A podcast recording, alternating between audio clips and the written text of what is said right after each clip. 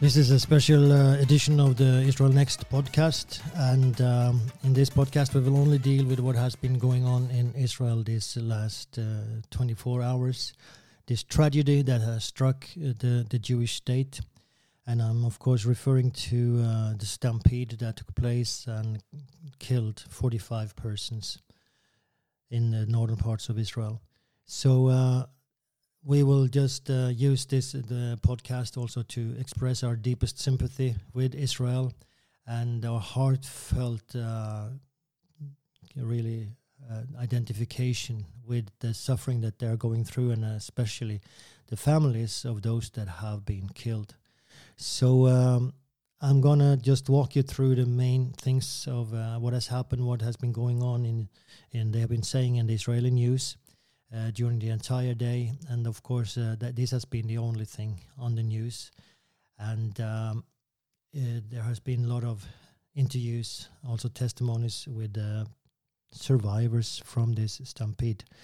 But let's uh, start with the beginning. What happened um, started last night, meaning night to Friday, and it started around one o'clock Israeli time, and the stampede itself uh, didn't take very long. Uh, it, within an hour, of course, uh, that is a, that's a long time. But uh, within an hour, it was over. This, this the event, the tragic event itself, uh, and within even within one hour, uh, the security forces had managed to evacuate ninety percent of the people that was on the mountain, and the estimation is that there were a hundred thousand people on the mountain, and I'll come back to how they were divided. But um, that that's the total number, and uh, within one hour, ninety percent of them was were already on their way down. They were away from the site itself. But that's when it started, uh, and during that stampede, as I said, forty-five persons died. There are still very many that are in a serious condition, or very many, but um, six that is a very serious condition, and others that are in a serious. And um, then uh, 150 that were wounded. Uh, that number has now go down to 35 uh, that are still hospitalized. Where did this happen? Well, it was in the central parts of Upper Galilee, not far from the city of Safed. Uh, that is, is possible to see this city from the Sea of Galilee. Uh, so it's just 10 minutes drive from Safed and you come to Meron. Uh, and why did it happen there? Yes, because uh, the annual uh, Hilula, that's the name of the event, Hilula, uh, it's a commemoration of Shimon Bar Yochai, a very famous rabbi that uh, lived in the second century after Christ during the Bar Kokhba revolt. He was one of those that, together with Bar Kokhba, opposed the Romans and in the end, um, he died. Um, but uh, not not confronting the Romans really, uh, but because uh, he survived that battle. Uh, but uh, during the for many years he hid in a cave. But the, the tradition is also that he wrote the book called Zohar, and um, which became kind of a foundation for modern Kabbalah. Now, that's according to Jewish tradition, and scholars would not agree with that. But anyway, that's what uh, the ultra Orthodox, who are the main, uh, the main crowd of people that come to this Hilula. So uh, the, the, huge majority of people that come there are ultra Orthodox, but there are also other religious Jews. Um, now, it's uh, happened, as I said, there and close to Safed, and connected to Bar Kokhba. According to uh, this um, tradition that has developed, uh, every uh, Hilula, uh, people gather there on Mount Meron, and usually they gather much more people, like 500,000. But the last two years, because of the corona, it has been far less. Uh, there have also been restrictions on all of this. So uh, even though uh, in Israel, the, most people are already vaccinated, so that's not the big restriction. But this year, they estimated 100,000 was up there. Uh, and the, the big um, challenge normally is to manage the traffic to and uh, from this area. So, uh, but this time, of course, uh, there was another challenge. And uh, This event is usually spread out over two days, but because uh, Shabbat came now and, and the uh, event itself takes place on uh, Lag Ba'omer, that's according to the Jewish calendar. Lag uh, represents the number 33. So this is the 33rd day of the Omer counting. The Bible says that after Passover you shall count 50 days, seven weeks. And uh, this is in the midst of that counting. And on the 33rd day of that counting, that's the day of this commemoration. And it's called Lag BaOmer, the 33rd of Omer. So, um, yeah, I think I mentioned that uh, one of the traditions is that they uh, light bonfires uh, on this event. Uh, and uh, for Shimon Bar Yochai, it's connected to that he was like seen as a light that brought light from the Torah uh, to the people. And so they light this bonfire to commemorate him. And there are also other ceremonies connected to this. But it's a joyful event normally. A lot of dancing and a lot of joy that uh, takes place during the night up there. Um, this is a very important uh, custom, religious custom. It's not a mitzvah, meaning a biblical commandment, um, so it doesn't have that weight, but it's uh, it has a lot of weight because it has become a very solid minhag custom. So um, this uh, when you come to the mountain during this uh, Lag BaOmer, uh, the the mountain is divided into different areas, and that's why in certain news outlets you will hear that they were ten thousand gathered, and some would say other numbers. But it's because the different ultra orthodox groups are given different areas uh, next to the tomb. And uh, then a certain number of people is allowed into the different areas. Now it's not always that the police is able to control how many enter because also many come and they don't care about the police regulations and they try to enter anyway because the minhag is so strong. They want to be there at the celebration and they want to be there when their rabbi is lighting the bonfire. So um, then to keep a control of the numbers is, is very hard. It has been all these years. So uh, anyway, uh, the stampede then took place when one of these groups, called called uh, Toledot Aharon, uh, when they finished their uh, ceremony and the people were leaving, uh, then they were leaving from built-up temporary stands made of metal, and from these stands they would have to walk down like a metal pathway that was built, also temporary and uh, on this pathway, people started falling and falling one upon the other.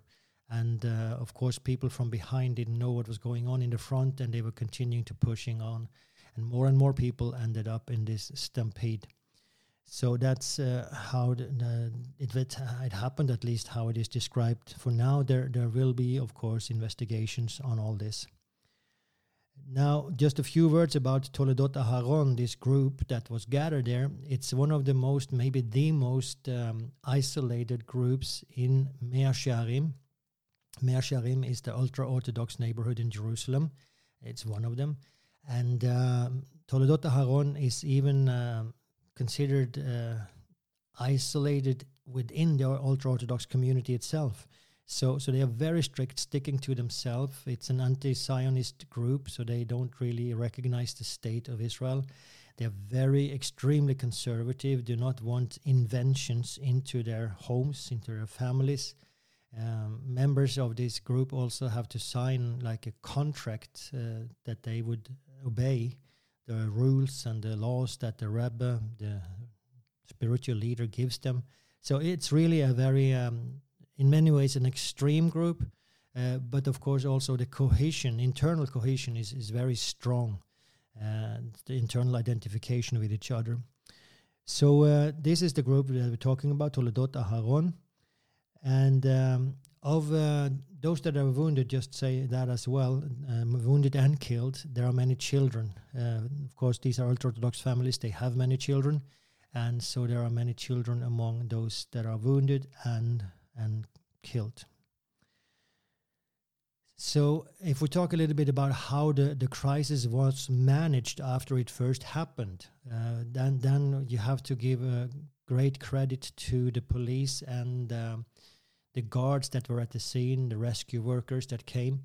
Uh, they, they were doing a fantastic job, uh, according to eyewitnesses, and really uh, risking their own lives to be able to pull people out of this stampede. Uh, and uh, when they got people past the, the stampede itself, they, they needed to get them away from the mountain. And that's why this evacuation uh, that was very effective. And uh, But in that chaos uh, that ensued, many families were split from each other. And still, at this point, they are they have not found. Many are looking for their relatives, their sons, daughters, parents. many are still looking for them. Uh, because also as they were taken away from the stampede, they were given transportation or they were told just to walk down the road, uh, making sure not to walk in the middle of the road because of the ambulances that were going back and forth. But uh, so they, they were just moving away from the mountain and they had to, they were forced to move away. So uh, many got, um, families got split up. Uh, but anyway, the the forces there, the police and, and the rescue forces, uh, first aid forces, first aid teams, and the guards, they did a really uh, good job at that point. When it comes to how this could happen, of course, we will come to that uh, a little later on. But of course, that is also a big issue: how uh, who is responsible for this? What also happened uh, in the aftermath of this uh, tragedy, there was that the people in the Mount Meron uh, area, there are many small towns and villages around Mount Meron. This is uh, tomb of uh, Shimon Bar Yochai. And many of these are Arab towns. Uh, they are Druze, they are Muslims, they are Christians, uh, but they are Arabs. And of course, some of them are Jewish towns and the people they just volunteered from everywhere to help help with transportation getting people away from the area help with the house uh, if, if people needed a place to, to stay if they needed food or water so uh, really that was uh, so great to hear about this generosity that just was given for um, for free of course with no strings attached like this and, and uh, really from all kinds uh, all, all groups in society. Um, when it comes to responsibility, then um, the police chief, uh, local police chief, chief up there, has said that he takes full responsibility and uh, will, of course, be fully cooperating with the investigation. That it has already started, like gathering evidence of what was uh, going on. Um, so, but a national investigation will take place to find out uh, how this could happen. But when it comes to um, who is in charge up there uh, during this event, it's really a complicated picture. And that has to do with the fact that uh, the ultra Orthodox themselves are, are, very strict on um, what they want. Uh, and they have their own representatives in the Knesset, uh, the ultra Orthodox parties. Uh, and these are almost always in government. So they are sitting in the government and part of the co- coalition agreement that they make before entering the government has to do with the, the Hilula and what should happen and which areas should be given to which uh, ultra Orthodox groups. These are part of the government coalition negotiations. Uh, so uh, it goes all the way up, of course, to the prime minister and, of course, the, the minister for internal security uh, so when the police chief says that he takes full responsibility, he knows by himself that he doesn't really have full authority on the scene. Uh, when things go on, he is he's unable to tell one or this or the other ultra orthodox group that you cannot gather here, you cannot gather there, because they can point to their government uh, representatives and say, "Hey, this is already agreed upon." Now, as I said, uh, the many uh, also break the rules of how many can gather in the different places. They they don't care about the police regulations in that. So it's there is really a problem here. Also, municipality, the local municipality has a responsibility, and uh, one of the former mayors of Meron, uh, this area where th- this happened, uh, he was interviewed and he, and, and he said that uh, he has been warning about the disaster that will happen uh, because the this uh, place is run, especially during this Hilula, the place is run like a mafia organization. So uh, he he was really he was interviewed on Israeli radio and was really said, uh, of course, he, he was so sad and he said, I have responsibility myself, even though I stepped down as a mayor, partly because of this, but I should have continued to fight. This was back in 2011, if I remember correctly. But also, the state controller in his report from 2008 and 2011, he wrote about that an impending disaster is, is, is coming up there in uh, Mount Meron because there is no order there is no uh, final authority. So uh, when it comes to taking responsibility, there are many that needs to to take their own responsibility.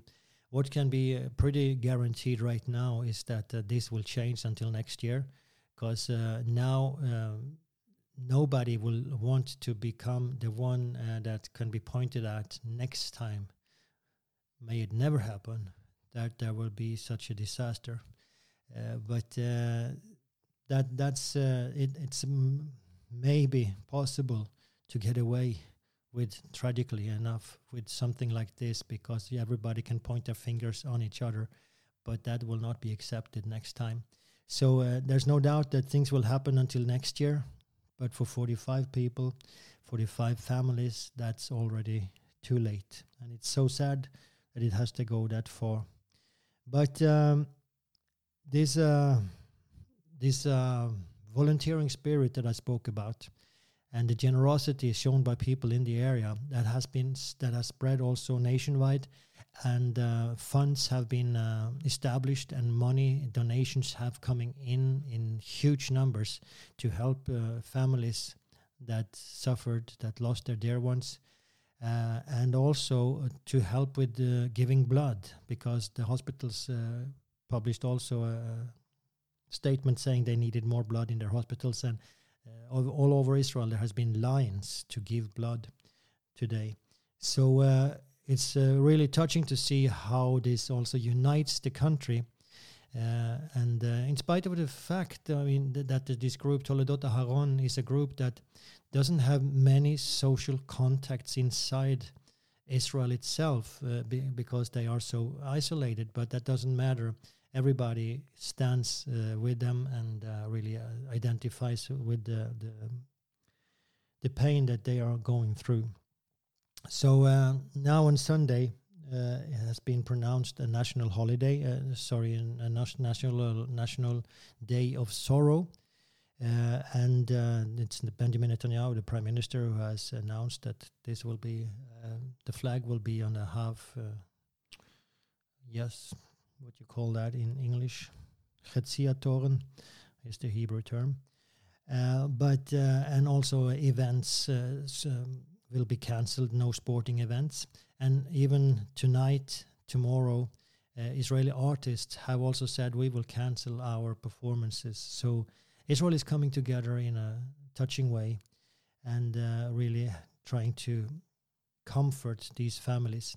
What is going on uh, right now, or really it is ending as I speak, that is uh, the identification of the dead. Uh, most of the dead have already been identified by their family members, but there is needed also like a forensic evidence that these indeed are the correct bodies, so no mistakes are being made as you bury them.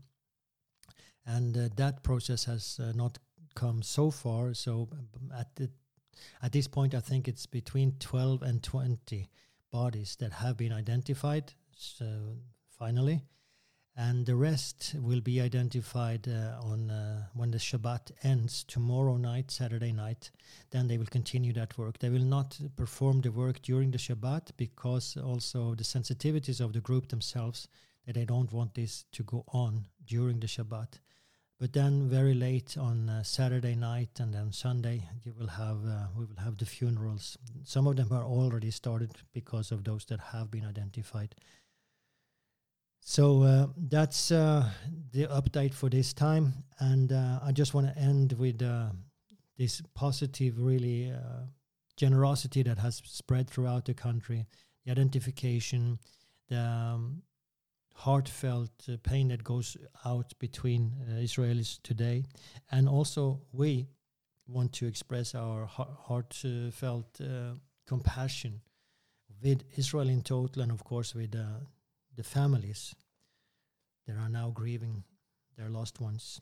I want to end by reading a verse from two verses, four verses from Psalm 61 from the beginning. Hear my cry, O God, attend to my prayer. From the end of the earth I will cry to you when my heart is overwhelmed.